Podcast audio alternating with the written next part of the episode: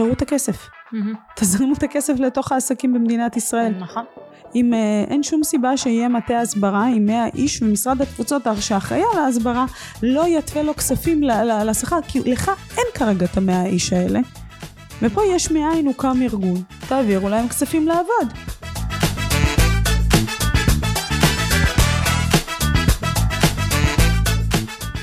אז ברוכים הבאים לעוד פרק בפודקאסט והפעם אנחנו עם האחת והיחידה המולטי טאסקין, מולטי טאלנט, ואשת העסקים סטלה ויינשטיין, ולא רק אשת עסקים, כאילו אפשר להגיד עלייך כל כך הרבה דברים, אז קודם כל מה שלומך? בסדר גמור, מה שלומך? ברוך השם, ברוך השם, תודה.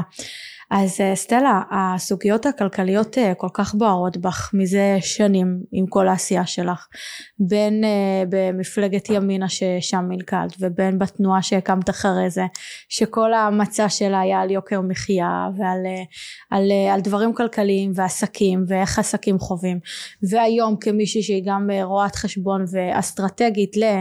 עושה אסטרטגיות לבעלי עסקים ולעסקים קטנים ובינוניים איך באמת לצמוח כלכלית ואיך באמת לצלוח את העסקים שלהם.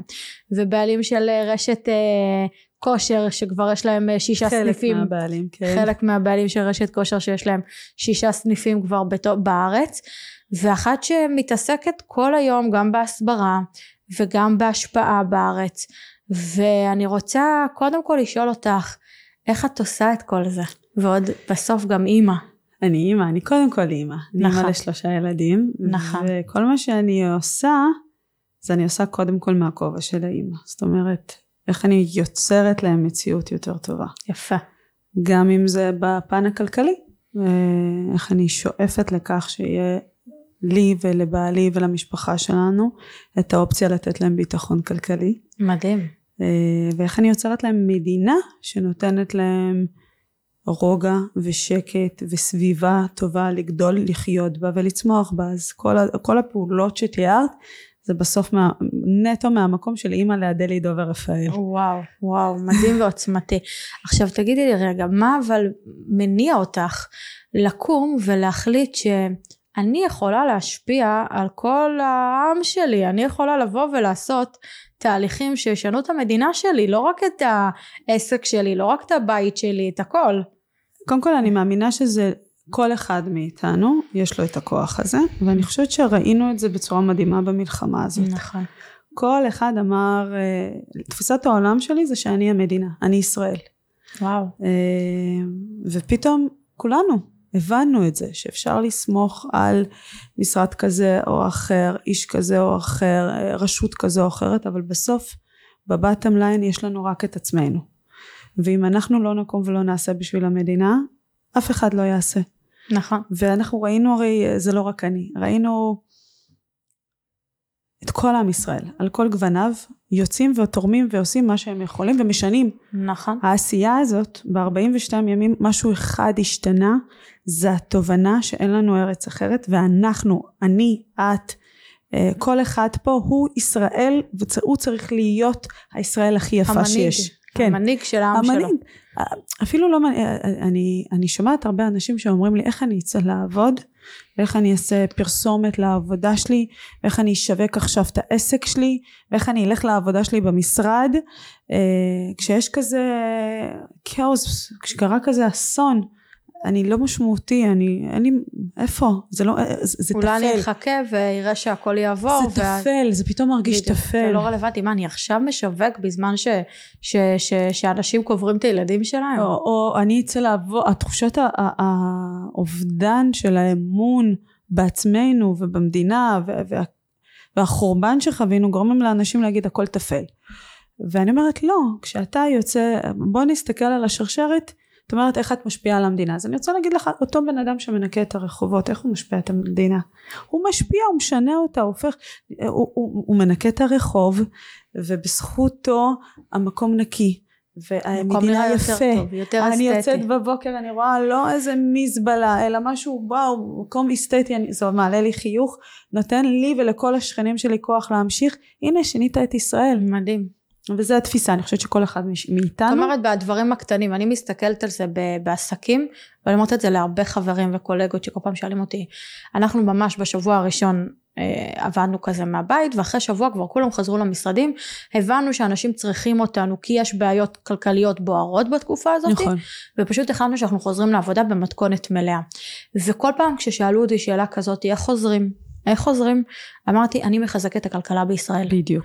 אני מחזקת את הכלכלה זה לא פחות מלחמה מאשר משהו אחר להפך. זה שהעובדים שלי לא יוצאים עכשיו לחל"ת ומתמודדים עם חל"ת או פיטורים חיזקתי את הבתים שלהם לגמרי. זה שבסופו של דבר נתנו ערך לבתים בישראל איך לצמוח כלכלית חיזקנו את הכלכלה שלהם אז זה לחזק את הכלכלה בישראל וזה לא פחות חשוב מאשר דברים אחרים זה מעבר לזה, זה מחזק את המדינה בעוד נופח. נכון העובדים שלך יצאו, עבדו, שילמו מיסים למדינה, הכניסו כסף למדינה, למדינה. כדי שלא תהיה בגירעון עוד שנתיים שלוש, שלא ייפגע החינוך פה, שלא ייפגע הצבא פה. הצבא נכון. היה במחסור אדיר של ציוד, כי קיצצנו לו באופן קבוע בחמש שנים האחרונות תקציבים. תקציבים אז הת- ה- המיסים שלנו מניעים נכון. את המדינה, אני גם לעשות. יכולה, לה, אני כאילו לוקחת את מה שאמרת קודם, שראינו בתקופה הזאת שהעם שלנו הוא כל כך יפה וכל כך בעשייה ונתינה, ואני לוקחת את זה למקום שהמלחמה הזאת היא הייתה מלחמה של העם.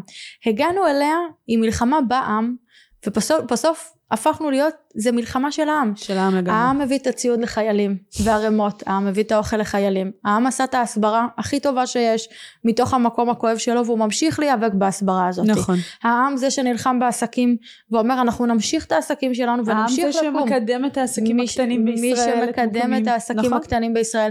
העם יושב שם ואומר מי צריך אותי בחזית אני מוכן לתת אני מוכן לתרום אני מוכן לעזור.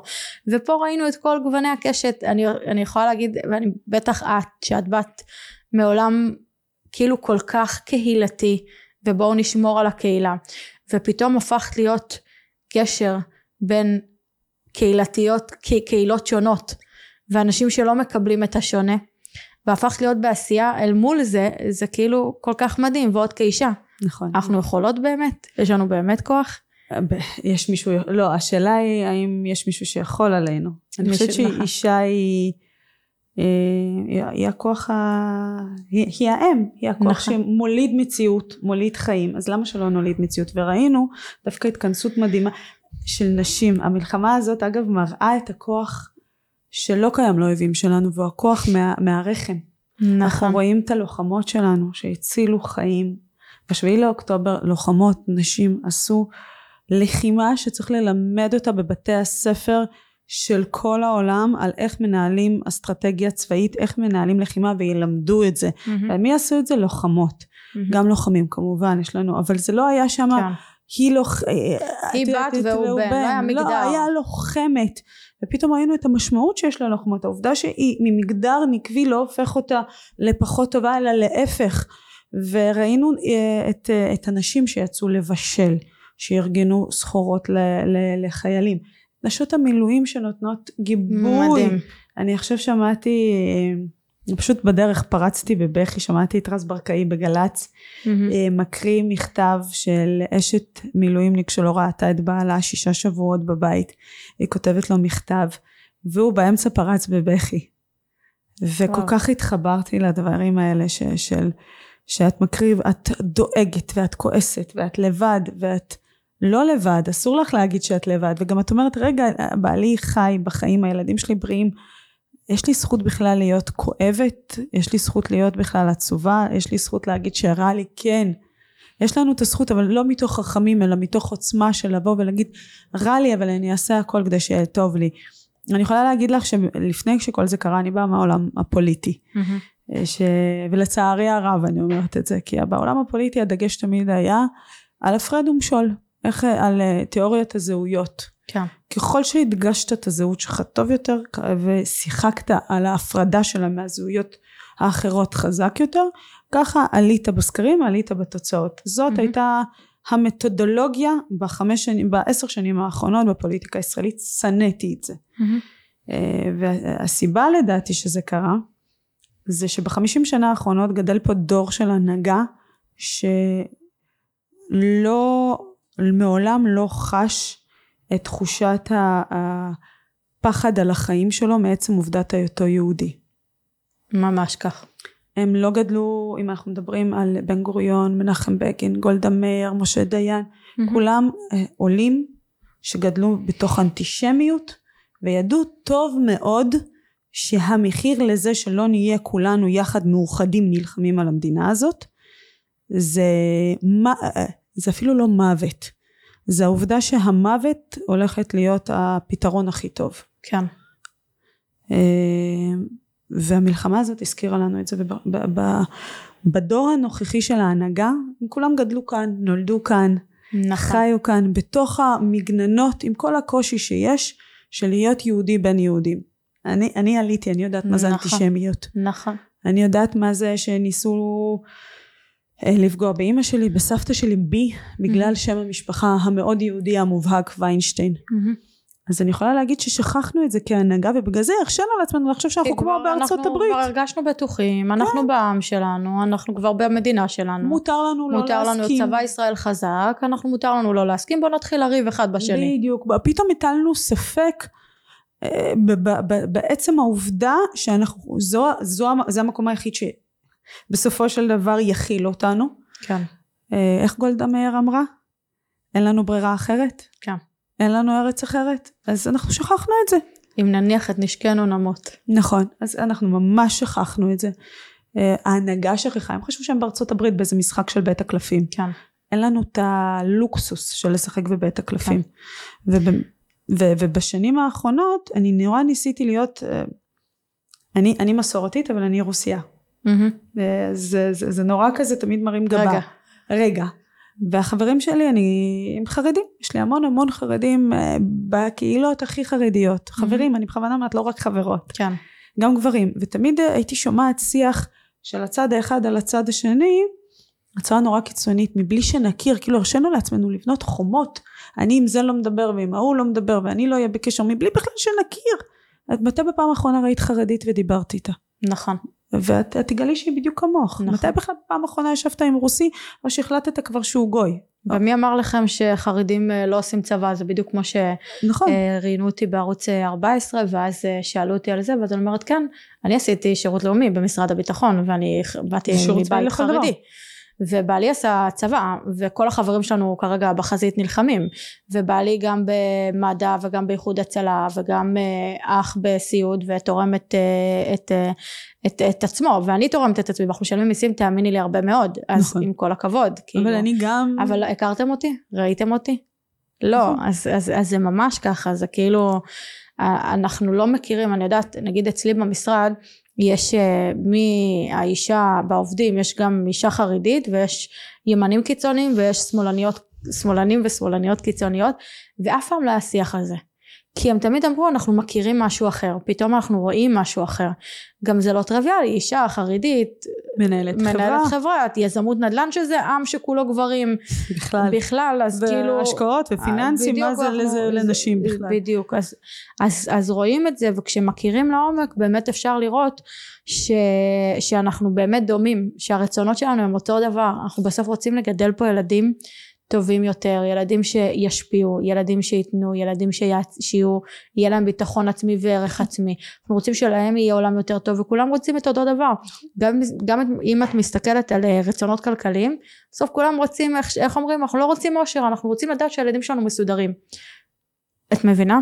אז כולנו יש לנו אותם חלומות. זאת הייתה כל המהות של תנועת 30-40, שכולנו יש להם את אותם חלומות, אותם רצונות, אבל אז, אומרת אז, אני מרגיש כאילו זה היה לפני שנה. אבל בוא נדע באמת שיש את הספירה לפני השביעי לאוקטובר ואחרי השביעי לאוקטובר. נכון. ואז זה היה נשמע הזוי, מה זאת אומרת כולם רוצים אותו דבר? על מה את מדברת אני, בכלל? אני, נעלה, אתה פחות, או כל מיני כאלה. וכל אחד היה בטוח שהוא הנעלה. זה נכון, אין ספק. עכשיו, אה, בהיבט הזה של ה... כאילו אנחנו יכולים לראות את הממשלה המון כמו עסקים. יש היום הרבה חברות שיווק שבעצם מה הם אומרים לך? מלמדים עסקים קטנים, לך תהיה, תמצא את המשהו שיעורר דווקא את האנטיגוניזם, את מי ש... שלא יסכים עם הדברים שלך ומי שיסכים עם הדברים שלך. נכון. למה? כי זה ייתן לך יותר חשיפה, יותר צפיות, יותר קהל, תגיע ליותר אנשים. נכון. האם זו הדרך? לא. חד משמעית ש... בדיוק כמו בעם. זה, זה, העניין שיש תפיסה שיווקית שאומרים שכל אדמות השם משפחה שלך נכון הכל בסדר. נכון. אה, זה, זה תפיסה שיווקית שהיא של פעם, אותה. מאוד מאוד מאוד של פעם. היום כבר כשמדברים על שיווק לעסקים, היום כשמדברים כבר אה, באופן כללי על איך לקדם את עצמך, הפוזיטיב הוא הקובע. ובאופן כללי אם אתה מוכר מוצר כלשהו, לא משנה, כל מוצר, תמצא לא איך אתה win-lose situation, איך אתה מרוויח על פני השותף שכרגע אתה נמצא מולו, על פני האדם שאתה מנהל איתו את העסק, אלא איך שניכם מצליחים להרוויח. איך שניכם משם יוצאים לעוד פעילות. ובאופן כללי גם בעולם ההשקעות שאת, שאת נמצאת בו, אני חושבת שיותר ויותר אנשים מבינים שמנגנון ההשקעה שמייצר הכנסה רק לגורם אחד, או רק מגורם אחד, הוא כבר לא קיים לא והוא קיים. לא נכון. נכון. זה חייב להיות מכלול כוללני של כולם מרוויחים מזה. ווין ווין, נכון. ממש ככה. וככה זה גם בממשלה שלנו, זה לא נכון היה להפריד אותנו. אני חושבת שלצערי עד אני לא בטוחה ש... דו, אני לא, לא הפרידו אותנו באמת. לא, הפרידו, למ... הפרידו, אנחנו צריכות, את יודעת, אחד הדברים שאני זוכרת שיצאתי מתוכנית הטלוויזיה, ואני יוצאת, ואמור, מסיימת את התוכנית שלי, אה, שלוש שעות שידור, אני יוצאת, ואני רואה את התוכנית הבאה מתכוננת בברק, ואז יש מפה של ישראל, והצצתי, ואני רואה אה, תוכנית להפרדה ליהודה וישראל. זה היה שבוע לפני שביעי לאוקטובר, זה היה תחילת חול המועד, הסתכלתי על זה ואמרתי אלוקים שבשמיים אל תעניש אותנו על זה. אלוהים מה, מה הולך לבוא עלינו על הדבר הזה? ולא שאני נביאה גדולה, אבל אמרתי יהיה זעם, יהיה זעם על הדבר הזה, לא, זה לא משנה אם מישהו... זה לא משנה כבר מבחוץ או מבפנים. זה לא משנה אם אתה מאמין באלוהים או לא, ברגע שאתה שוכח למה אתה פה, אתה תשלם מחיר שיזכיר לך למה אתה פה, זה לא משנה אם זה אלוהים, ישות או אתה עצמך. נכון. יהיה לזה מחיר. ואנחנו אומרים שאנחנו יודעים למות יפה יחד, לא יודעים לחיות יחד. ואני לא... משפט כואב זה. משפט קשה. מאוד. ואני לא מסכימה עם זה. כי אנחנו הראינו, ועל זה אגב התבססו האויבים שלנו. שאנחנו עד שנלמד לחיות יחד אנחנו רובנו נמות. כן. אה, והראינו שלא, שבמהות שלנו אנחנו מאוד מאוד אוהבים אחד את השני. אה, שאנחנו, איך הילדה שלי כתבה, אדל, הלכתי אותה, הלכתי איתה לטקס אזכרה. אה, בשלושים, בשלושים יום לשביעי לאוקטובר היה טקס אזכרה, והיא מאוד רצתה להצטרף אליי. והיא הלכה כזה הצידה באיזשהו שלב, היה לוח כזה, שכתבו שם כל ההורים וכל המשפחה של הנרצחים באשדוד. Mm. והיא מצאה את הלוח הזה, מצאה טוש, ופתאום אני מחפשת אותה בעיניים ואני מגלה אותה כותבת על הלוח הזה גם. וזה כתוב שם לוח המשפחות. אמרתי לה, אדלי זה לוח המשפחות. אז היא אומרת, אמא תראה מה כתבתי. ואז אני רואה למטה, אנחנו לא נשכח אתכם בחיים, כולנו משפחה אחת. וואי, איזה יפה, איזה מרגשת. היא בת שבע. ואמרתי לה, אדלי, סליחה, זה לא היה כולנו משפחה, זה אנחנו משפחה אחת. מדהים. ואמרתי לה, אדלי, מי אמר לך את זה? מי אמר לך לכתוב את זה? אמרתי לי, מה זאת אומרת, אמא? הם משפחה שלי כי הם הגנו עליי. מדהים. ואני אומרת, אם מה שמובן לילדה, לילדה, קצת שכחנו, אבל אנחנו באמת משפחה אחת. ו... עוד מעט. ובמהות שלנו לא שכחנו באמת, לזה התכוונתי כשאמרתי. אדם לא שוכח. כי במהות שלנו, בואו, צרה הכי קטנה וכולנו התקבצנו יחד בשביל, נכון. בשביל אה, לעזור, לתרום וכל אחד בשלו. וגם אפרופו דיברת על אה, נשות המילואים, יש לי חברה שבעלה כרגע מגויס וגם שישה שבועות, באמת אני מרגישה שאני לא עושה מספיק.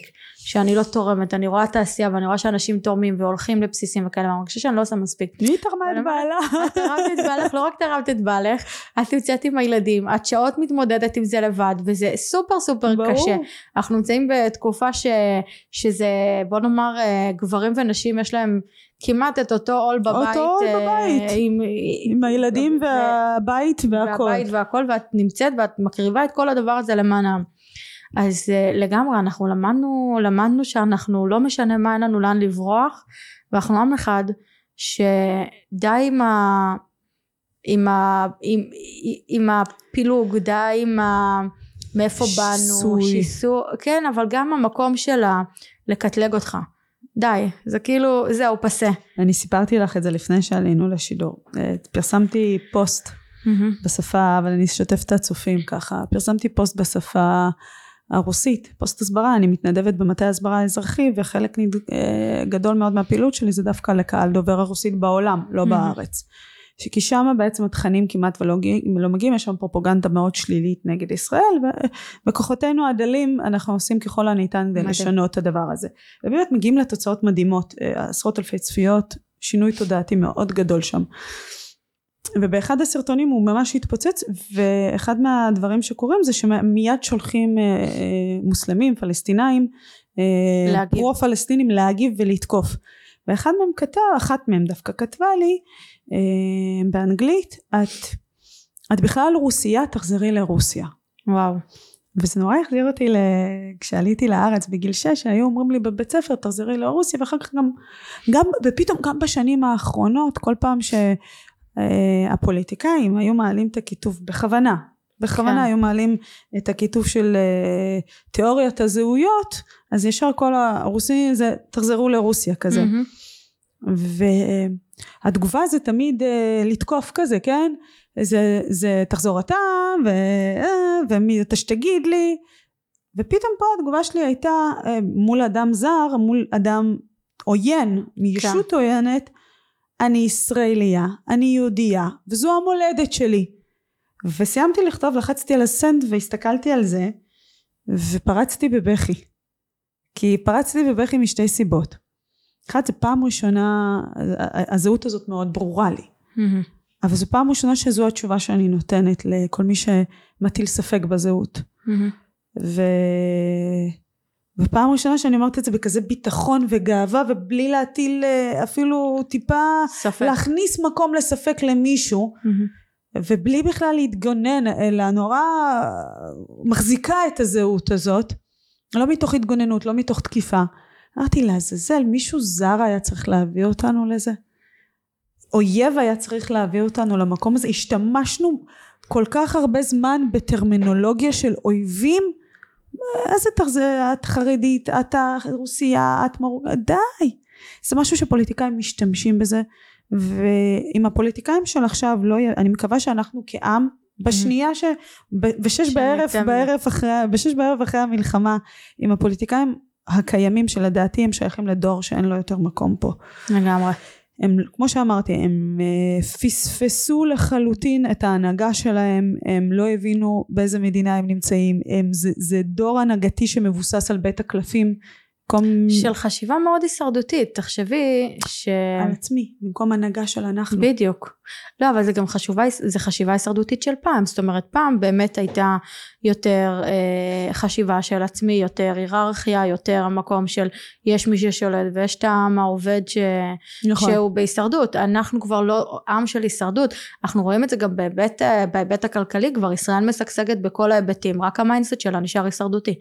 בכל ההיבטים, בכלכלה, בהייטק, בכל כך הרבה דברים ברפואה, ו, ובסופו של דבר בהיבט ההישרדותי, וזה מתחיל מהממשלה ונגמר בעם, בבתים שלנו, אבל זה מתחיל מהממשלה, ממשרד החינוך, שעדיין מלמדים ילדים להיות אה, פועלים ב... מבחינתי, כן, ב... במפעלים, ממש. ולא בלהיות אה, אנשים שהם אה, יוצרים ובעלי עסקים ולא מדברים איתם לא פיננסים ולא כלכלה ולא דברים שהם הכי, ולא משפטים ולא דברים שהם הכי חשובים באמת לחיים שלהם ולא פיתוח יכולות ולא חוסן ולא משא ומתן ולא שום דבר שבאמת יעזור להם לחיים. הבסיס, חינוך אלא לך תלמד להיות אה, אה, להיות במסגרות כי אם אתה לא תהיה במסגרות ותסטה ממסגרות אתה לא שייך. וזה ממשיך לביטוח לאומי שכמו שגם דיברנו על זה קודם אם זה, אם זה בטח אם זה אם חד הורית אבל גם אם זה בן אדם שמקבל קצבה אז יש לך את הקצבה אבל אם תעבוד ותקבל שכר יותר גבוה מהקצבה אתה, לא, אתה כבר תפסיק לקבל את הקצבה במקום לעודד אנשים להמשיך ולעבוד נכון. ו- וזה ממשיך בזה שהממשלה נותנת אה, חל"תים בקורונה אבל לא מעודדת אנשים לחזור לתעסוקה. זה וזה... ממשיך בעובדה שאנחנו משק מאוד סגור וריכוזי ויש לך ארבע חמש חברות שפחות או יותר מתעסקות בהכל ועדיין אין לכאן יבוא כמו שצריך ופתיחת משק ותחרות ועידוד תחרות. אין פה יש את הרשות לעידוד תחרות. מה היא עשתה כדי לעודד תחרות באמת? איזה הגבלים ובירוקרטיה המדינה הזאת כול כולה. ראינו את זה בקור... עכשיו במלחמה שאנחנו אנחנו ביום ה-42 ורק עכשיו מתחילים להוריד את הפיצויים לעסקים כי רק עכשיו החוק עבר. תגידו נראה לך את ואני בעלי אותו עסק. העסק צריך לשלם משכורות צריך לשלם אה, שנייה אני אגיד לספק שלי שומע סמוטריץ' עדיין לא חתם מה נעשה? אתה צודק. 42 יום מחכה לי. זו חשיבה של פקידים שכל החיים שלהם היו פקידים. בגלל זה המשרדים הממשלתיים שלנו נראים כמו שהם נראים. כי שוב דווקא את אומרת חשיבה הישרדותית לא הלוואי וזאת הייתה בעיניי חשיבה הישרדותית כי בהישרדות אתה מייעל את עצמך בעיניי החשיבה של המשרדים, המשרדים הממשלתיים היא חשיבה לא הישרדותית אלא, אלא מנוונת mm-hmm. הם מנוונים הם יודעים קביעות מוסד הקביעות גמר על השירות הציבורי כן. גמר אותו פירק אותו אה, אי, אי בחינה של תוצאות גם במשרד החינוך לא בוחנים בתי ספר לפי תוצאות לא בוחנים אה, לא בוחנים שום משרד ממשלתי לא את הביטוח לאומי לא את המס הכנסה לא את משרד החקלאות. מה עשית? מה התוצאות שהבאת? כמה הגדלת כדי להחזיר אנשים כמה הגדלת? כמה? כמה תפוקה כמה תל"ג הגדלת? מה תרמת? מה עשית? הכל מתי העברת כרטיס ומה הוותק שלך? ואז נכון. אנחנו רואים פקידים שאומרים רגע לחקלאים. גם בדרום ובאמצע רוב החקלאות שלנו נמצאת בדיוק אה, באזורי הספר. שמפונים. אין תאילנדים שעזבו ועד זה, זה מצחיק אותי. העובדים הזרים כולם אה, עזבו משרד הפנים יחד עם משרד הכלכלה עדיין דנים מת, כמה, כמה תקנים לאשר של עובדים זרים. רגע שנייה נגיד לעגבניה שניר ברקת רגע לא, לא כן. החליט על עצמו כן. כמה לקטוף. שההודים עוד לא הגיעו. בדיוק. ואז אני רואה את שר החקלאות אה, כותב הולך להתנדב בקטיף. אני לא צריכה שתתנדב בקטיף.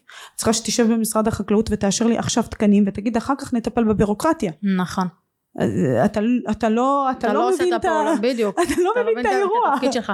אבל מהצד השני גדל פה דור, שאולי הוא הדור אחרינו, של פתאום ילדים בני 16, שעושים מיליונים והופכים להיות כן.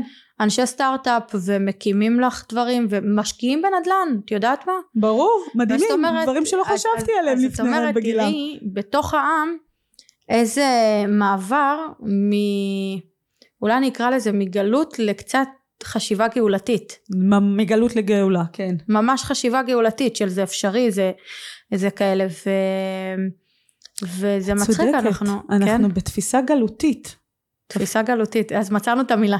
כן. לא הישרדות ולא מנוונת, זה חשיבה גלותית. כן, של הפריץ, שיהיה... אגב, גם בהסברה אומרים את זה הרבה, שהרבה אנשים בהסברה שהעלו סרטונים, כל פעם ניסו להיראות יפים בעיני העולם.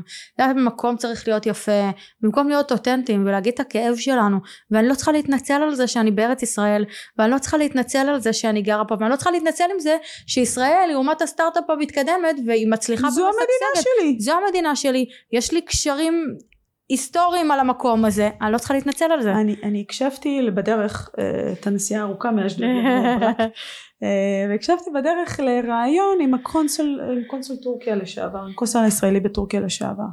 והוא מסביר למה אנחנו לא צריכים לשבור לגמרי את הכלים כי בכל זאת זה טורקיה והיא חלק ממדינות נאטו אולי כדי להבין ואחר כך כדאי לחזור עם הכלכלה איתם ואנחנו בסוף לא כדאי לעשות חרם כי אנחנו שוק מאוד קטן אז כמה אנחנו כבר קונים עגבניות וכול כולו בשיח מה זה גלותי של היהודי וואו, שיושב בפינה ומנסה נורא נורא למצוא חן בעיני המלך וואו זה אני הקשבתי לו אמרתי לו מה? למה? אתה קונסול אתה נציג משרד החוץ אתה אמור להגיד לו שומע?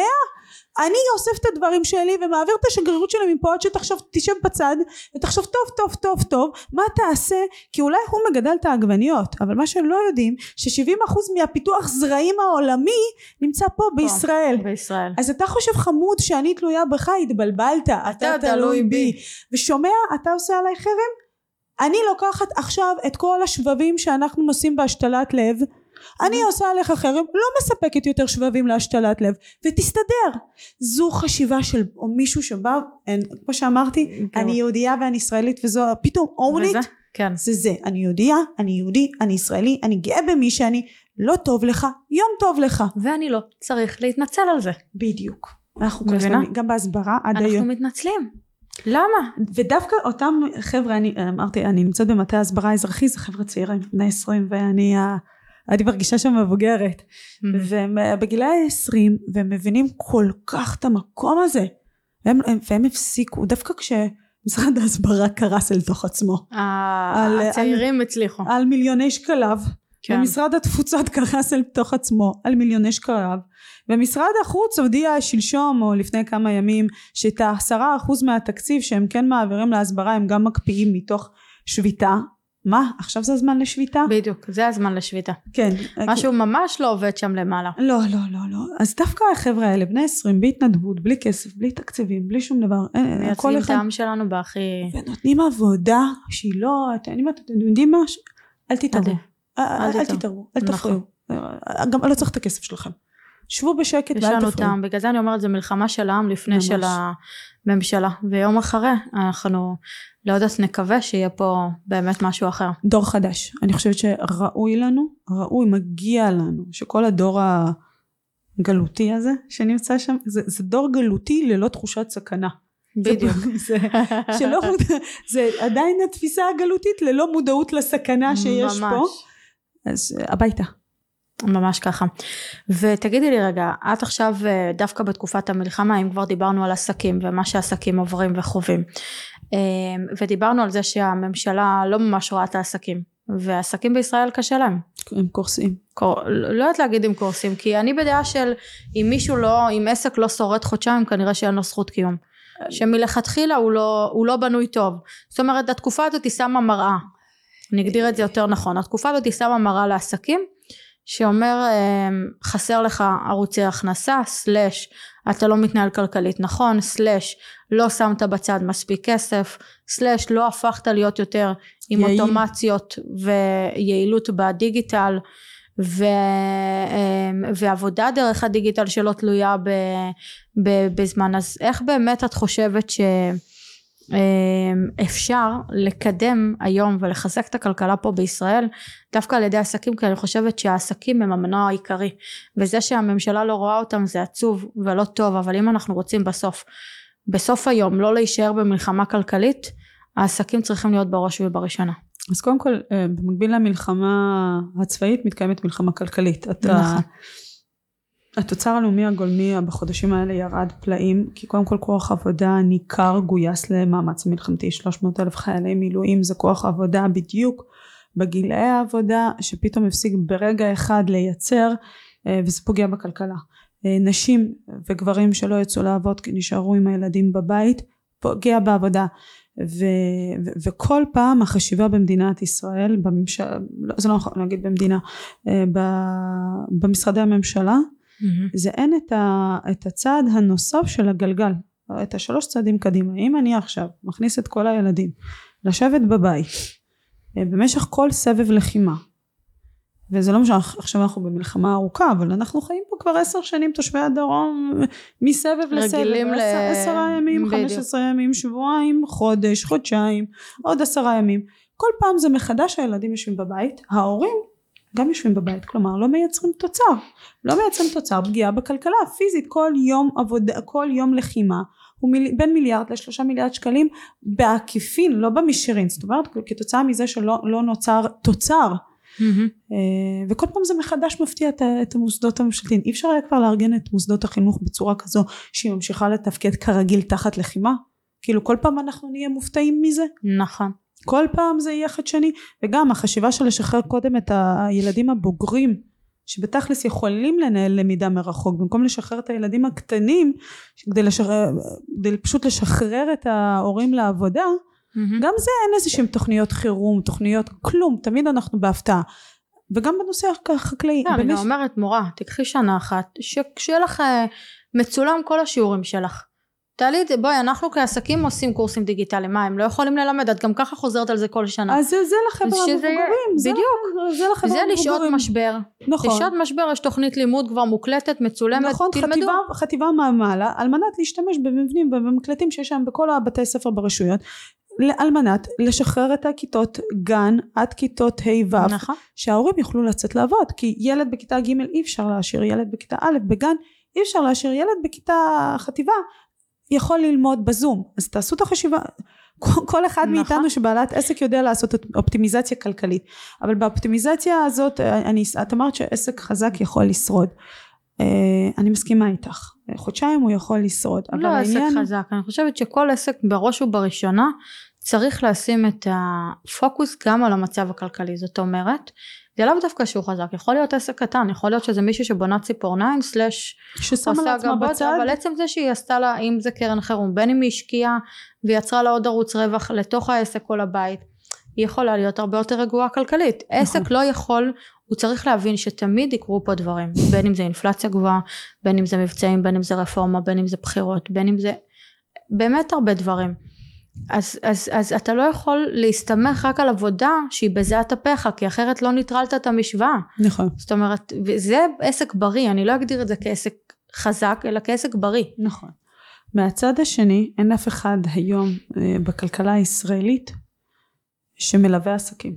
נכון. עסק נפתח, זה בדרך כלל עם איזה חלום ואיזושהי תשוקה, ואפס הבנה, ואני באמת, אני מכירה לא מעט בעלי עסקים, אפס הבנה לאיך עסק צריך לעבוד, איך להתנהל, מה זה קרן חירום, כמו שאמרת, מה זה אפיק אה, שמביא לך הכנסה מניבה, איפה שמים, מה שמים, מה זה בכלל רשויות המס, איך משלמים, איך, אה, מה זה תזרים מזומנים, רוב העסקים במדינת ישראל קורסים, לא יודעים לעשות תזרים מזומנים. לא יודעים והם קורסים, קורסים על המקום של התזרים מזומנים. וואו. אה, זה, זה אגב סטטיסטיקה ידועה שאם אנחנו פותחים ובודקים על למה רוב העסקים קרסו כמעט 70% מהעסקים במדינת ישראל מגיעים לחדלות פירעון בגלל אה, לא בגלל חוסר רווחיות אלא בגלל חוסר ניהול תקציב נכון תזרים מזומנים נכון אז בתוך העולם הזה אנחנו מתכנסים עם שולי רווח במדינת ישראל יחסית מאוד נמוכים לעולם בגלל המיסים שיש לנו שולי הרווח מיסים הנקי. פסיכיים. כן שולי אני יודעת הרווח איך אני עושה אה, יזמויות בארצות הברית ושותפים שלי שם אנחנו יש לי שם שותפים מקומיים ויש לנו עובדים שנמצאים בשטח מנהלים את הבניינים. את לא מבינה איזה אני אגדיר את זה הם כאילו פשוט העובדים אין להם כבר אין להם דרישות הם כל כך מסורים לעבודה למה? כי הם יודעים שאם לא מחר אתה לא פה. נכון? פה בישראל יש לך כל כך מסכת של אה, לשמור על החלש ומצד שני אנחנו הופכים אנשים להיות מסכנים חד משמעי ולא לעבוד כאילו אמיתי זה המעסיק, אה, היזם במדינת ישראל, המעסיק הוא השעיר לעזאזל. ממש ככה הוא השעיר לעזאזל בהכל. אה, בעיקר בתשלומי המס. אז מהמם. כשאנחנו מסתכלים על זה ששולי הרווח פה במדינת ישראל בממוצע בענפים החזקים נמצאים באזור ה-11 אחוזים אה, ומתוך נקודת ההנחה שרובם גם לא מנהלים את התזרים באידיאל כמו כמו. שהיינו רוצים והם עד היום היו אוקיי אני חי בשלום עם ה-11 אחוז האלה אני מרוויח אני מפרנס אותי אני מצליח להעסיק עובדים לפרנס עוד כך וכך משפחות מפרנס את משפחתי אה, ומביא תוצר למדינה הם התעוררו בקורונה ועכשיו עדיין רק התחילו לנשום והתעוררו לעוד עולם אה, בשביעי לאוקטובר שבו העולם, עד, א' הם עד היום לא קיבלו פיצויים מתווה נכון. הפיצויים רק אתמול אה, הייתה הצבעה סופית וההנחיות עוד לא, לא עברו לרשות המיסים. אז אנחנו כבר 42 בואכה 43 לימים למלחמה אף אחד עדיין לא קיבל פיצויים כמו שצריך. אה, ובטח ובטח לא עסקים. ואז אנחנו מסתכלים רגע אני יוצאת מה-40 קילומטר כי עדיין לא ברור בדיוק מה יהיה מתווה הפיצויים ב-40 קילומטר ואני מסתכלת על המתווה שפורסם לכלל מדינת ישראל ומדבר שמי שמקבל פיצוי הוא רק מי שנפגע בהכנסה ההכנסות שלו המחזור שלו נפגעו ב-25 אחוז זאת אומרת כל השאר בכלל לא מקבלים אז אני אומרת אם שולי הרווח שלי 11 אחוזים שולי הרווח הנקי וההכנסה שלי ירדה רק ב-24 אחוזים אני בהפסד. בהפסד. אני בהפסד ואם לא התנהלתי תזרמית נכון ורוב הסיכויים הסטטיסטיקה מראה שלא התנהלתי תזרמית נכון אני אקרוס והעובדה שרשות המיסים אפשר לא להפיל את זה על היזם אבל בסוף כשאין פה כמו שאמרת מגיל יסודי חינוך פיננסי זה גם על המדינה. ואם עסקים יתחילו לקרוס פה זה, זה יהיה על כן. הראש שלנו. זה תוצר שלנו שייפגע זה מיתון שלנו שייפגע ואנחנו רואים את זה. נכון. כרטיסי האשראי ירדו ב-24 אחוזים. יש מקומות שאפילו יותר. ב-44 אחוזים באילת אילת שהכפילה את הגודל שלה עם כל המופונים כן. ירדה ב-44 אחוזים ברכישות במחזור הרכישות בכרטיסי אשראי מהמם. נכנסנו למיתון פר אקסלנס ממש הקטר אה, של הכלכלה הישראלית הוא הנדל"ן העולם שלך רק 15% מהפרויקטים היום עובדים כן. רוב הפרויקט, כולם בקיפאון. עזבי שהרבה מהמנהלים, מנהלי הפרויקטים נמצאים בחזית, אבל בסוף אין לנו את העזתים שיבנו. אין לכם את הפלסטינאים, אין לכם את העזתים. אין לנו אותם, הם כבר לא... הם כבר לא בתמונה, אין ספק שזה מכביד, אין ספק שזה בסופו של דבר יצטרכו למצוא לזה פתרון. הרבה מחברות הסיניות ברחו. נכון. אמ, אומרים שיביאו הודים אבל אף אחד לא יודע להגיד באמת מתי? מה טיב, מתי, מה טיב העבודה שלהם, כמה זמן הם יודעים לבנות, מה האיכות, מה העלויות של הדבר הזה. עכשיו כשיזם נכנס לפרויקט בישראל, הוא אמר אוקיי, אני שולי הרווח שלי 15 אחוז, 16 אחוז, במקרה הטוב 20 אחוז, וזה כי באמת חנקו אותו גם במיסים וגם בים וים אה, עלויות נוספות שמצטברות מסביב, בסופו של דבר הוא כרגע נתקע בסיטואציה שפשוט אין מענה ואין פתרון לדבר הזה. אין מענה ואין פתרון. פרויקטים עובדים והוא משלם ריביות. הוא משלם ריביות וריביות מאוד גבוהות, אינפלציה מאוד גבוהה. נכון, היינו, בסביבת, ריב... היינו בסביבת ריביות קשוחה ביותר. אין לי ספק שהרבה קבלנים ויזמים יפשטו את הרגל בתקופה הזאת לצערנו. שזה אה, מחזיר אותנו עוד פעם לאותו מעמד ביניים, שיזם שפושט את הרגל, זאת אומרת פרויקט שלא יוצא, זה אומר אנשים שקנו במיטב כספם ועכשיו יצטרכו להילחם על כספם חזרה, נכון. בספק יקבלו, זה אומר פחות דירות שישחררו. אין התחלות בנייה ופחות דירות שיוצאות לשוק ומסיימות אה, בנייה מה שאומר שהביקוש מצטבר מצטבר והיצע איננו. אנחנו היום מעל 80 אלף יחידות ביקוש בשנה. כן, בשנה. אז אנחנו מדברים על כנראה הכפלה של האירוע הזה. ועכשיו גם עוטף עזה כביכול צריכים דירות כי אין להם דירות ועכשיו יש הרבה יהודים מהעולם שרוצים להגיע לישראל רק שיהיה לי דירה כדי שאם יהיה אנטישמיות יהיה לי לאן לברוח בישראל. אנחנו נכנסים לתוך בועת נדל"ן פסיכית. גדל גדל גדל וה, ואין מענה אין דירות לא בבנייה ולא בהתחלות בנייה. אז זה אומר שמחירי הדירות יעלו ובתוך סביבת הריביות כרגע ירדו מיש... ואז יעלו אינטנסיבי. זה יעלה ובום מה שירד ובום. עכשיו זה, זה כי חודש אחד לא היה מכירות. נכון.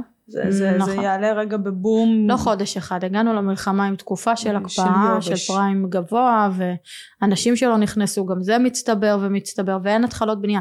תמיד חשוב להגיד שאין התחלות בנייה, כי בישראל הפרוצדורה לוקחת כל כך הרבה זמן. בין ההתחלת בנייה עד המפתח. חמש שנים בממוצע. Yeah, גם שבע ועשר שנים באמת? במקרים, אה, במקרים רבים. אה, ולא לדבר על זה שמדינת ישראל, מרבית מההכנסות שלה זה ממיסוי נדל"ן.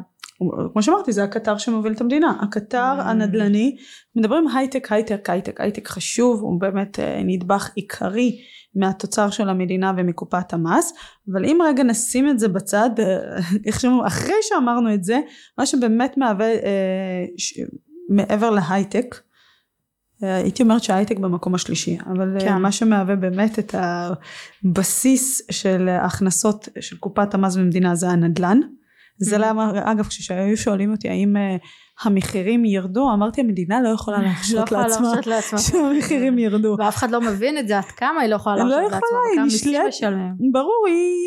התקציב של המדינה מתבסס על מחירי הדיור היקרים נכון. פה, וטוב שכך. טוב שכך, טוב שכך, זה רק אומר שאנחנו צריכים להתחזק וליצור למצוא את הדרך אה, אה, להרוויח יותר, להגדיל יותר את התוצר הלאומי והמשפחתי. בשביל לצלוח לקנות דירות? אה, כן, כן, תראי מהצד של השקעות ברור שאת אומרת אוקיי אני רוצה שהמחירים יעלו כדי לעשות רווח אבל מהצד השני את רוצה גם שבסופו של דבר לא יהיה פה איזשהו מחירים מופקעים שאי נכון. אפשר לעמוד בהם. אבל בסוף חלק ניכר מזה שזה מחיר מופקע שאי אפשר לעמוד בו זה החוסר, ב, ב, החוסר הפיזי בדירות. נכון. כשיש לך תהליך שאת אומרת שאני מכירה באשדוד בממוצע מינימום חמש שנים, את אומרת שבע שנים, אז, אז המדינה צריכה לשנות פה תפיסה. זה לא יוריד את המחירים, זה יהפוך אותם פשוט לנגישים יותר. אני יכולה להגיד לך שבארצות הברית, אמנם אני בעיקר אה, קונה מתחמי מולטי פמילי קיימים וכבר מאוכלסים, אבל נגיד עכשיו יש לי פרויקט ש... אנחנו גם העירייה אישרה לנו לבנות בו עוד 30 יחידות. בתוך מתחם קיים עובד כבר מאוכלס כולו כמה זמן לקח 30... לך לקבל אישור? לא לקח לי אנחנו עכשיו בתחילתו של דרך אבל ייקח לנו בערך שלושה חודשים חמישה חודשים לקבל היתר ובנייה חצי שנה. בבקשה. זה שנה וסיימת את כל התהליך. מדהים. את מבינה? כמה בארץ ייקח לך 30 יחידות? חמש שנים לפחות. חמש אם לא יותר אז אנחנו נמצאים בסיטואציה יותר מורכבת בעם שלנו והתהליכים יותר ארוכים וכמו שאמרת בסוף זה פקידים שלא מבינים כלום וחלקם גם מסכנים ולא יודעים בכלל באמת הם לא הוציאו חשבונית יום אחד ולא בחיים. מכירים את ה, לא את העסקים ולא את המדינה ולא את הקבלנים ולא את היזמים אז יש פה מערך בוא נאמר אה, ארגוני בתוך המדינה כושל חד משמעית, שאני חושבת שמה שצריך לקרות זה בזכות היזמויות שקמו פה בזמן המלחמה ואני הולכת להגיד מילה קשה, רוב המשרדים הממשלתיים צריכים לעבור תהליכים של הפרטה והתייעלות ורק ככה המדינה הזאת יכולה לצמוח. כי אם אנחנו מדברים על, על כך ש-42 ימים לתוך המלחמה אה, הענף הכי גדול בארץ, ענף הנדל"ן, אין בו עדיין עובדים זה, זה, זה אין אפילו חשיבה אין אפילו הסכמים בליטרליים שנחתמו כלום. מחכים לאיזושהי כאילו אין מה לעשות תתמודדו. אז זה לא אין מה לעשות זה, זה, זה הרי זה לא ייפתר מעצמו. ברור שהמדינה חייבת לתת פה חייבת לתת. אה, הסכמה לה- אני בטוחה שכל אחד מהיזמים ידע לוחץ. לה- להביא את, ה, להביא את העובדים ולייבא את העובדים מה שנקרא בכוח העבודה הזאת. תנו לנו את האופציה הזאת. משרד הפנים שם לנו זה לא רק שאתם לא מועילים אתם יוצרים בירוקרטיה שלא מאפשרת לנו לעבוד. ופה אני אומרת צריך לפרק את הרשויות האלה ולבנות אותן מחדש.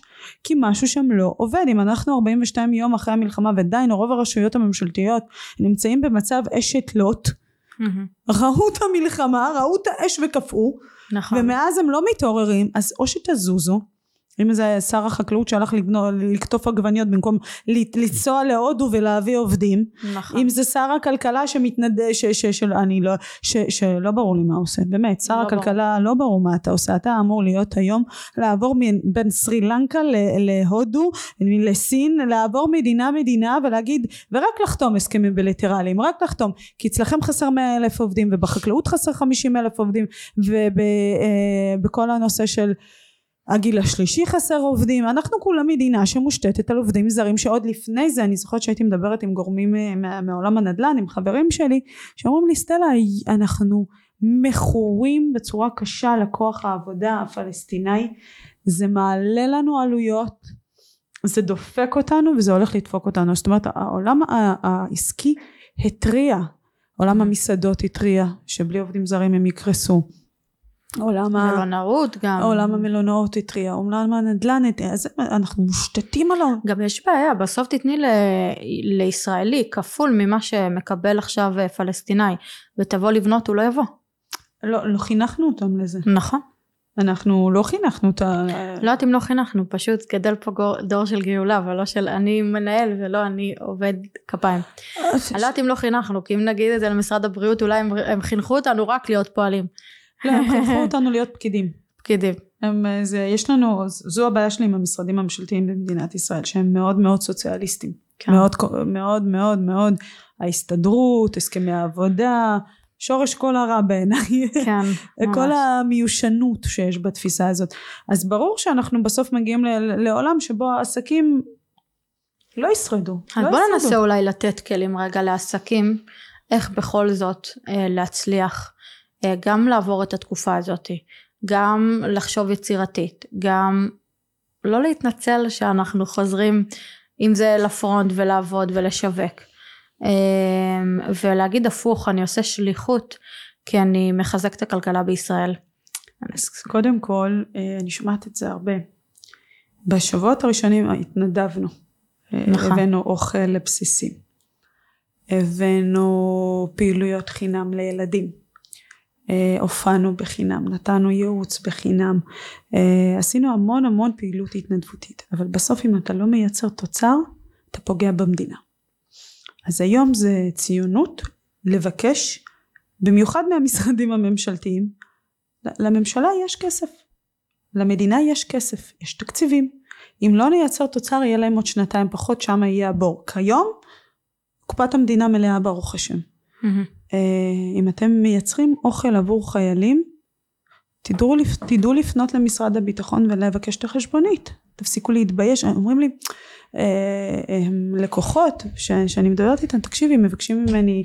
אה, יש אפשרות כזאת? בן אדם, כל בן אדם שרוצה לבשל לחיילים אה, יכול לקבל ממשרד אם משרד הביטחון, אם בסיס צבאי פונה אליך, זה. סתם זרקתי דוגמה, אני ממש, פנה אליי שף, ואמר לי, סטלה. פנו אליי, פנו, אליי, פנו אלינו היום לעשות אה, אה, ערב אה, לחיילים מדהים. של 100 חיילים. זה מדהים, זה התנדבות ומדהים, ותמשיכו. אבל תגידו, חבר'ה, אנחנו 42 יום אחרי המלחמה. המקררים שלי ריקים, אני צריך לקנות סחורה. זה כמעט, זה לא להתנצל, זה להסביר לאותו אדם מה, מה האירוע. מהמם. זאת העבודה שלי, אני מאכיל את הילדים שלי. אני אשמח לעשות את זה מכל הלב, אבל זו העלות. אם פונה אליכם הסמג"ד וזה, תפנה רגע לרשב"ץ, תפנה רגע לאחראי לוגיסטיקה. תמצאו את התקציב הזה. מהמם. ואם הרשות פונה, ואם איזו עמותה פונה, אז את אומרת, בואו נגייס יחד כספים לדבר הזה. מהמם.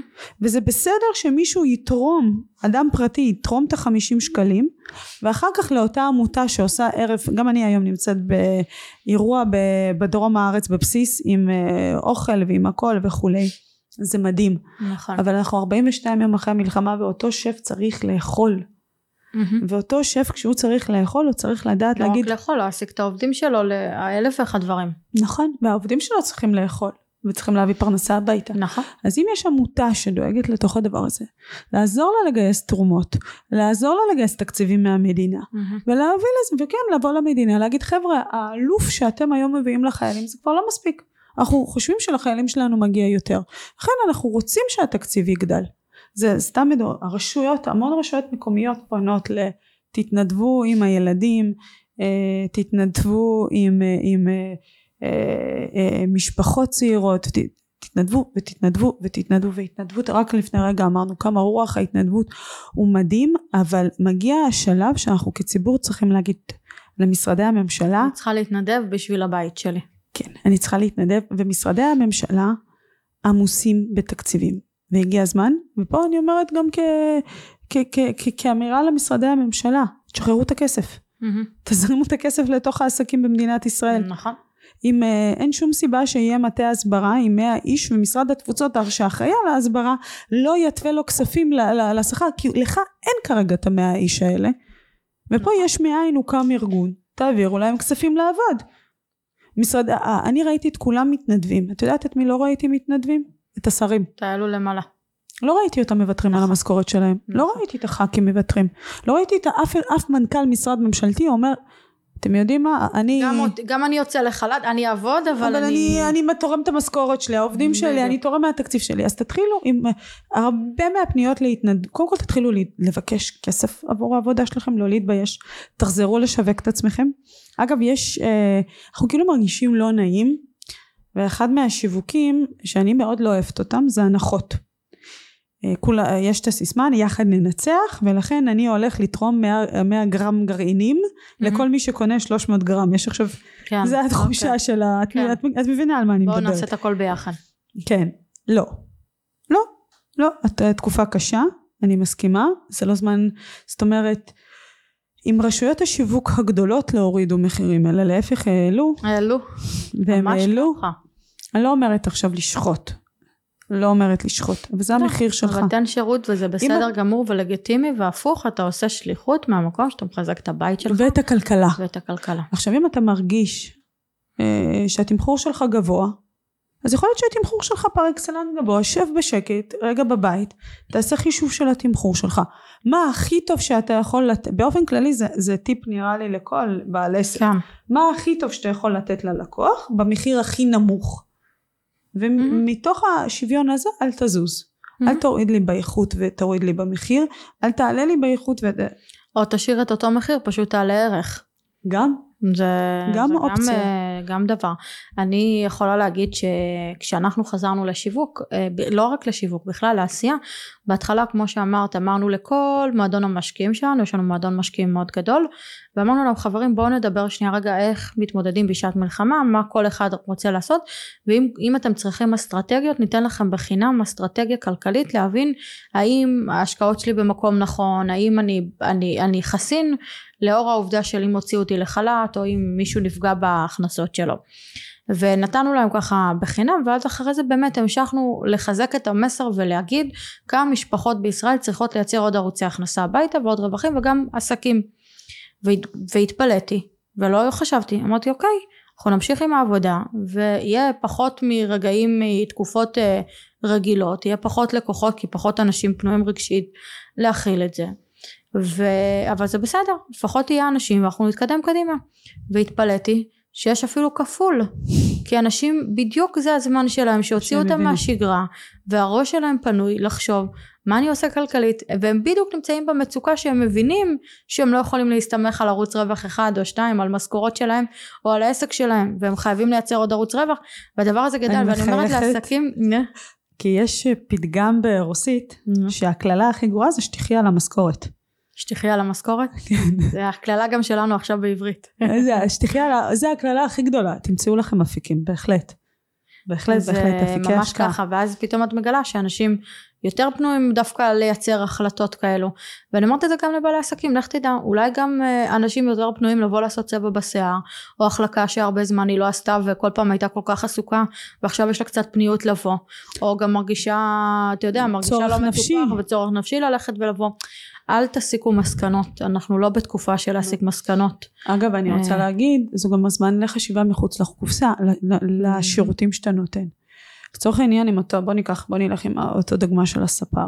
אם בדרך כלל אתה יודע שמגיע אליך כך, או מגיעות אליך חמש לקוחות, ואתה יודע שהן היום תקועות עם הילדים בבית, אל מהמם. תוותר עליהם, אלא תגיד, רגע, אני אגבה את אותו כסף, את אותו הכסף שאני גביתי היום על החלקה או whatever, אבל הרחבת השירות שאני נותן זה שאני מביאה בייביסיטרית שתהיה ופה בפינה של המספרה תשחק עם הילדים שלוש שעות כל עוד את את, את מבינה איזה. נהירה איזה. נהירה יהיה כי זה רגע שקט שלי לצאת מהבית לטפח את נכון. עצמי לאהוב את עצמי רגע ו, ובכל עסק בכל עסק אפשר לייצר את ה... זה הזמן לשלוא לא ליפול רגע למראה אלא לשאול אה, ופה אני, אני דווקא רוצה לצטט את השותף שלי. הוא באמת אה, גיסי הוא, הוא מוביל הרבה את העסק הוא מוביל את העסק מבחינה חשיבה עסקית. ואחד מהדברים שהוא אמר אה, אני אני לא יודע יש דברים שתלויים בי מלחמה מגפה לא תלוי בי אבל ברגע שזה קורה אני לא יודע מתי זה יקרה אבל ברגע שזה קורה אני צריך לחשוב מה הכי טוב שאני יכול לעשות ולתת ללקוח שלי בסיטואציה הזאת אז זה רגע, אה, ופה אני באה ומוסיפה עוד משהו, כל משבר הוא הזדמנות לבוא ולחשוב, ומאז שאמרת את המשפט הזה אני באמת מסתובבת עם זה המון בראש, מה הכי טוב שאני יכול. וזה הזמן להטיל רגע ספק, והאם השירות שלנו הוא הכי טוב שאנחנו יכולים. אולי זה הזמן להוסיף לו עוד נדבכים.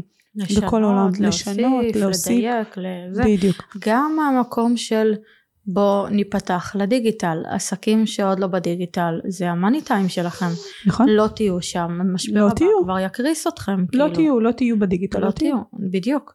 אז גם אה, לייצר אוטומציות ולייצר התייעלות דיגיטלית זה סופר חשוב אה, ולמצוא עוד פתרונות זה סופר חשוב ואין ספק.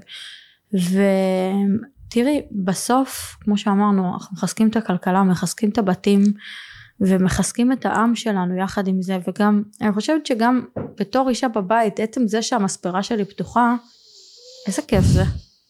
ברור. מאשר זה עצם זה שאני יכולה רגע. ללכת לאכול גלידה עם הילדים בבית. קפה.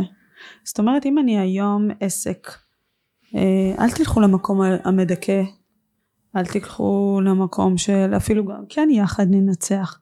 ותסתכלו שאנשים גם צמאים לביחד אז נכון. תייצרו סיטואציות של ביחד. אם אתה בית קפה, אז תביא את אותו, בכל עיר יש היום את המוזיקאים הצעירים. נכון. מדהימים ומקסימים וכל כך מוכשרים, כל כך התג... התרגלנו לשלם על בילוי מאות אלפי שקלים. מהמם. כשיש לנו בתוך כל עיר כישרונות מדהימים. אז בואו תזמינו, תיתנו לו פרנסה. ת, תודיעו שיש איזשהו ערב עם מוזיקה ומיקרופון פתוח ולבוא כולנו יחד רגע. זה, זה מה שאנחנו מחפשים, להיות ביחד. אז נכון. תשתמשו, תגדילו את גם אגב בעסקים אה, מחפשים עכשיו זה כאילו תקופה שותפי של פלואפה. לאו דווקא שותפים גם התקופה שמאוד הולך כל הנושא של אה, קהילות מהמם. מועדונים מועדון משקיעים אצלנו. נגיד המועדון משקיעים שלנו בעלות אבל זה סביבה שיוצרת לעצמה סביבה כאילו של אנשים שהם באותם דיברנו קודם על אה, קהילתיות שמלמעלה כל הזמן ניסו לקטלג אותנו. מאיפה באנו? מי אנחנו? מהמגזר שלנו? נכון. מה השם משפחה שלנו? האם אנחנו נשים או גברים? האם יש לנו ילדים? אין לנו ילדים? האם אנחנו חרדים חילונים שמאלנים ימנים? וכל הקטלוגים האלו. והיום הרצון להיות ביחד וזה גם החשיבה הגאולתית של אנחנו לא רק רוצים להיות ביחד, אנחנו רוצים להיות ביחד עם מי שיש לו עתיד משותף איתי. נכון. עם מי שיש לו יעדים משותפים איתי, אם יש לי חשיבה שאנחנו רוצים להגשים משהו זהה. נכון. אנחנו רוצים להיות בקהילת, בקהילות כאלו, אם אנחנו עסקים, אנחנו רוצים להיות בסביבה של בעלי עסקים, אם אנחנו רוצים uh, במשקיעים, אנחנו רוצים להיות בסביבה של משקיעים. נכון. ולעומת זאת, ולא מאיפה באנו, ולא. מאיפה באנו, נכון. אלא לאן אנחנו, אנחנו רוצים הולכים, להגיע, או. לאן אנחנו הולכים. וזה אולי מה שחשוב, זה אולי נכון. המסר באמת שאפשר לארוז את כל התקופה הזאת. זה לא נכון. לא מאיפה באנו ואולי את הדוגמה לזה, ל, ל, זה לא מאיפה באנו. זה כן זה... לזכור את ה... אני קוראת, את ה, אני קוראת לזה את הנשמה העתיקה שלנו, כי היא אחת. כן. היא תמונה עמוק עמוק בארבעת אלפים. אני אספר שוב סיפור על הבת שלי, ש... שאחד באחת עשייה, ואני מלטפת רגע את המגן דוד, זה מגן דוד שנקנה בגטו בוונציה. שנעשה על ידי יהודים ובלי לשים לב אני בתקופה האחרונה כל הזמן עונדת אותו כי יש איזושהי כמיהה לא, לאותה ישות עתיקה שאנחנו כן. חלק ממנה לאותה mm-hmm. נשמה וישבנו עם הבת שלי ואני מספרת את הסיפור הזה מאז אה, ראינו חדשות היא מתעקשת לראות חדשות שלושת הילדים אנחנו יושבים והיה את האסון הנגמש ש... 11 חיילים מתו בימים הראשונים של הפעולה הקרקעית וכל חייל שמראים את התמונה שלו ואומרים נפל חלל והיא אומרת היא יושבת לידי ואומרת בצורה מאוד מאוד קראה כמעט קרה מת. Mm. זאת אומרת היא לא מנסה ליפות. Mm. הוא לא חלל הוא לא נפל הוא לא נר הוא מת. היה ונגמר. Mm-hmm. כאילו מנכיחה את זה לעצמה. וכשסיימו את כל הדבר הזה עכשיו ברוך השם לא היה לנו בבית שכול. לא היה שום שכול מסוג שהוא לא ראתה מנהגי אבלות היא קמה ולקחה נר נוי שעמד והניחה אותו בפינת הבית והדליקה אותו. הלכה לקחה ואני מסתכלת ממש כמו מבחוץ על כל הסיטואציה הזאת של מה קורה פה עכשיו. ואני אומרת לה אדל מה, מה, מה את עושה? אני רוצה להדליק נר לזכרם. חמודה. אני אומרת לה מאיפה את יודעת שעושים את זה? אומרת לי אמא לא יודעת אני פשוט יודעת. Hmm.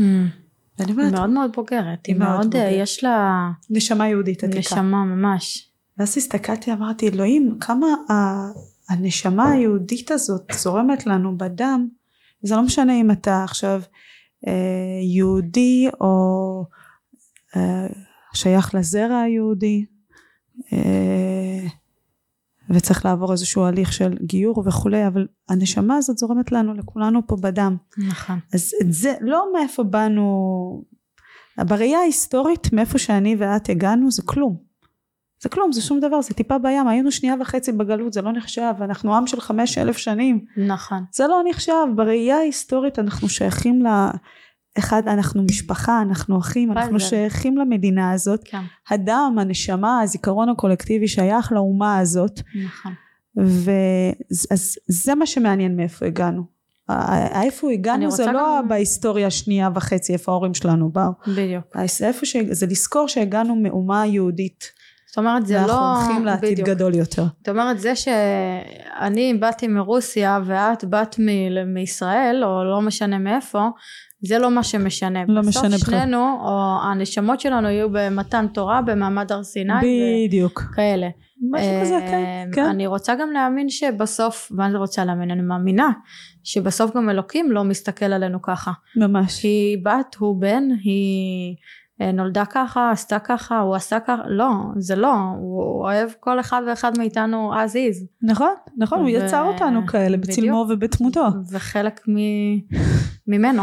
נכון. אמ, אז אני, כן. ואני רוצה להגיד רגע, כן להחזיר את זה לשיח הכלכלי, של לאן אנחנו הולכים. ואמרת באמת שלא יהיה רק אה, אפיק הכנסתי וכלכלי אחד. Mm-hmm. אני אסכם את זה במשפט, יש לנו כרגע, המלחמה יצרה הזדמנות, כמו שאמרתי, להטיל ספק. כל פרדיגמות שהיה לנו, אנחנו מטילים מהם ספק. אז תטילו ספק גם במערך ההכנסה בבית. גם במערך ההוצאות בבית, גם לא רק בבית, בעסק, וואטאבר. יפה. תשבו, תעשו סדר. מה ההכנסות שלכם? מה ההוצאות? תבנו על רמת השקל. תחליטו ביניכם לעצמכם מה מתוך ההוצאות האלה אפשר לוותר ומה צריך לעשות כדי ליצור אפיק הכנסה השקעתי. אני כן אחזיר את זה למקום הזה. והאמירה הזאת עכשיו, אה, שאלת אותי בתחילת השיחה, למה אני עושה כל מה שאני עושה? זה, אה, ואז אמרתי לך הילדים, אז אה, אתם עושים את זה בשביל של הילדים שלכם? זה לא עכשיו, בזמן מלחמה אני אתעסק בלסדר חשבונות, נכון. כשבעלי במילואים? כן. דווקא בזמן מלחמה. דווקא בזמן תתעסקי. מלחמה. תתעסקי בשביל שלילדים שלך לא יהיה צורך, תלמדי אותם כבר מעכשיו קודם כל. ואני אומרת בכוונה לנשים, כי יש לנו יכולת רגע להביא, מתוך, לפעול מתוך הרחם, כן, ולעשות סדר והחלטות קשות מתוך הרחם. ממש.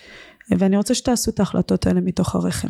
וההחלטות האלה יכולות להיות מצד אחד מה אני חוסכת בימים אלו, כי כרגע לא רלוונטי, וגם איך אני מייצרת את האפיקים הבאים, או האם הבית שלי היום, במידה ויוציאו אותי לחל"ת או יפטרו אותי מהעבודה, האם הוא חסין. והאם הוא לא חסין, ואם הוא לא חסין, איך אני מייצרת, ואיך אני מייצרת אפיק השקעה שיכול לייצר לי פסיביות. ואני רוצה באמת גם לסכם את זה באמירה שאמרת שאנחנו עושים הכל בשביל הילדים. תחשבו מה זה, ואני כל פעם אומרת את זה, אבל כל פעם אני אגיד את זה, כי זה כל כך עמוק, ובאמת אולי אם תשאלי אותי שנים בסוף מה, מה את רוצה להעביר לעולם, זה הנקודה הזאת. מה זה לגדל ילדים כשאין דאגה כלכלית? מה זה לגדל ילדים כשיש לך שבעה ערוצי הכנסה, מאיזה שבע השקעות שונות שעשית ומכניסות לך פסיבי, ובנוסף יש לך גם את העבודות שלך. ואז את אומרת, את, את יכולה לכלות, להחליט איפה את עובדת, אולי את פותחת עסק, עם מי את נשואה, אולי להתגרש, אולי להתחתן, אולי איפה לגור. זאת אומרת, כל ההחלטות מה החינוך שאני שמה לילדים שלי? כמה מורים פרטיים? כמה אני מקדמת אותם ודואגת כמה להם? חוגים, כמה הכל. מה זה לגדל ילדים כשיש, כש, כשבכלל אין חשיבה לאין. לאין, אין חשיבה הישרדותית. אגב, זה לא בטוח שאני אתן להם עכשיו כל דבר שרק מגיע. להפך. זה פשוט, יש לי, ויש לי גם את היכולת לבחור. כאילו, הרבה פעמים אנשים נמצאים בסיטואציה שגם אין להם את היכולת לבחור. ופה יש לך את היכולת לבחור.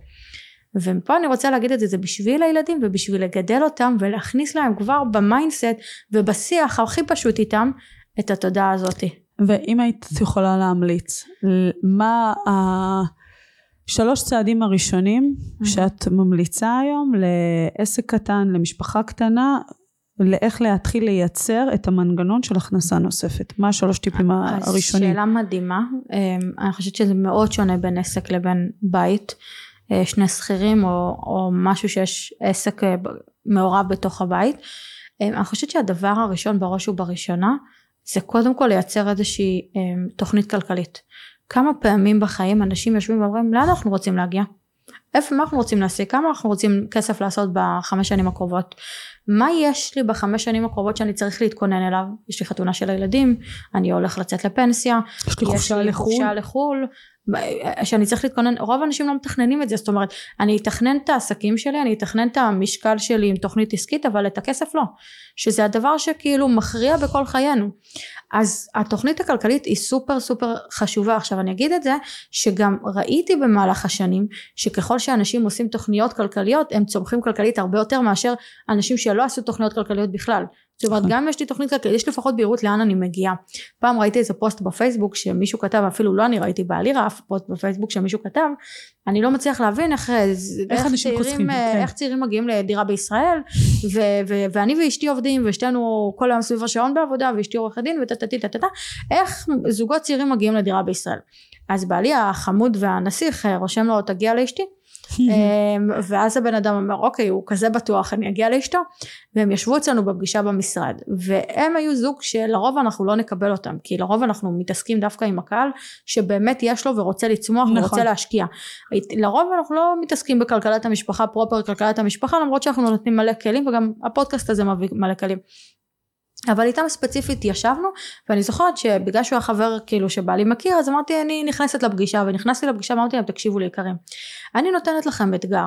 האתגר הזה שתוך חצי שנה אתם מגיעים לעוד 5,000 שקל הכנסות זה האתגר שלכם. אחרי שמיפינו מה ההכנסות ומה ההוצאות יש לכם אתגר להגיע לעוד 5,000 שקל הכנסות. אחרי שנגיע ל-5,000 שקל הכנסות עשיתי להם הפרדות כאילו ממש תכנון כלכלי כזה ואז אחרי שנגיע ל-5,000 שקל הכנסות אתם תבואו לפה ונחשוב איך אנחנו משקיעים את ההשקעה הבאה. ואני יכולה להגיד לך שאחרי חודש היא אומרת לי עזבתי את העבודה עברתי לעבודה אחרת עם משכורת יותר גבוהה של 5,000 שקל. עכשיו היא שמה לעצמה יעדים. היא, היא ראתה את היעד. לפני זה היא לא ראתה את היעד ולראות את היעד הוא סופר משמעותי בעתיד שלך. אז זה הדבר הראשון מבחינתי תוכנית כלכלית.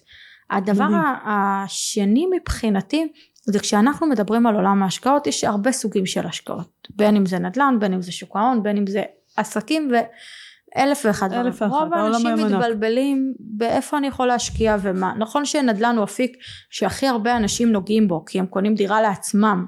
אז הם נוגעים בו הם מבינים את העליית הערך מבינים קצת נדל"ן ומבינים את הסולידיות שלו כאילו יותר מאפיקים אחרים. אבל עדיין בהיבט הזה אני אומרת תשקיעו בעצמכם בללמוד להשאיר את הידע שלכם בין אם זה הנדל"ני בין אם זה הפיננסי. ותלכו אל, אל תחסכו בזה תלכו לאנשים שעושים את זה שתלמדו איתם.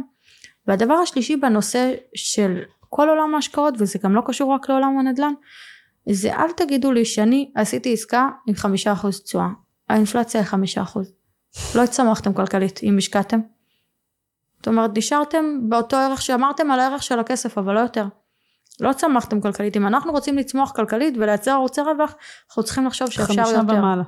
בדיוק. וזה אפשרי. ואת לוקחת את אלה שלוקחים חמישה אחוז תשואה. אני אומרת את אלה אנחנו חוסכים אנחנו שמים בפיקדון בבנק.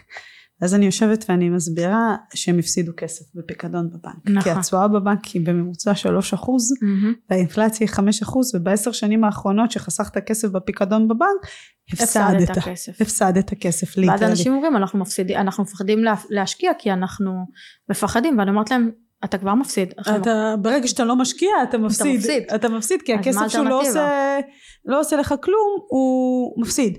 ויותר מזה אה, אה, אני אוסיף לזה עוד עצה לכאלה שכן משקיעים אבל לא, לא מומחי השקעות אה, בתקופות, בתקופות של מלחמה או קיצון אנחנו מקבלים החלטות. לא לקבל החלטות. ממש ככה. לא לקבל החלטות. אנחנו, אנחנו גם ככה מקבלים את רוב ההחלטות שלנו מרגשות. נכון. כמה שלא נגיד לעצמנו כולנו מקבלים החלטות מרגשות. ממש לפחות ככה. אל תקבלו אותם מתוך מקום של אימפולסיביות לד... אימפולסיבי ו... בתקופת כן. מלחמה. כן. נגיד הרבה מה שעשו זה כשהדולר התחיל לעלות באופן משמעותי עכשיו בתקופה הזאת כן. והיה להם איזה שהם אה, אפיקי השקעה אה, שקליים החליפו אותם מהר מהר מהר מהר לדולרי. ואמרתי חבר'ה זה לא הזמן זה לא הזמן, זה יעלה, זה ירד, זה יעלה, זה ירד. תבחרו אפיק ותתמידו בו. Mm-hmm. זה או ששמו על S&P וה-S&P קצת התחיל לרדת, אז לא, נכון. לא. תמתינו, צאו מהסערה ואז תקבלו את ההחלטות. בדיוק, ממש ככה.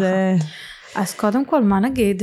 זה פשוט היה פרק כל כך הרבה תוכן וכל כך הרבה נכון. כיוונים. ובסוף בקושי דיברנו על הכלכלה אבל דיברנו רק על כלכלה זה לא יאמן. אז דיברנו ודיברנו כן, ודיברנו דיברנו. על הכל. בעיניי הקפנו באמת אה, כל כך הרבה קווים משותפים. נכון. ואז אה, לאן אה, פנייך מפה בעולם העסקים הפוליטי? אז קודם כל אני היום נמצאת דווקא חזרתי למקום החברתי אני mm-hmm. באמת נמצאת המון, גם במטה, מתעסקת המון עם הסברה, אני מתעסקת המון בפעילויות חברתיות כאלה ואחרות, מחזקת ארגונים חברתיים, שהיום יש בזה צורך משמעותי, אה, ובפעילות שכמו שאמרתי צריך בסוף גם להרוויח, אז אני מלווה עסקים אה, קטנים, דווקא קטנים, לקחתי את על עצמי אה, לשנות רגע את החשיבה וללכת על העסקים הכי קטנים שיש ולהגיד להם רגע בואו ננשום בואו נתכנן את התקציב יחד. זה המקום העסקי שלי היום זה המון, כל הפעילויות שלך זה השפעה ונתינה ו...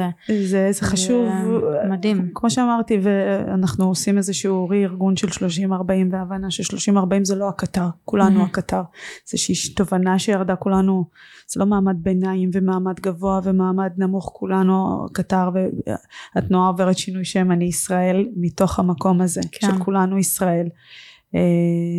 זו הפעילות, זו בעיקר הפעילות מדהים, שלנו, מדהים. כולנו יחד. אז uh, תודה רבה שבאת לפה להתארח בפודקאסט. תודה לכם. ושמחנו uh, להביא אותך לכאן לפרק בנכנסים לכיס.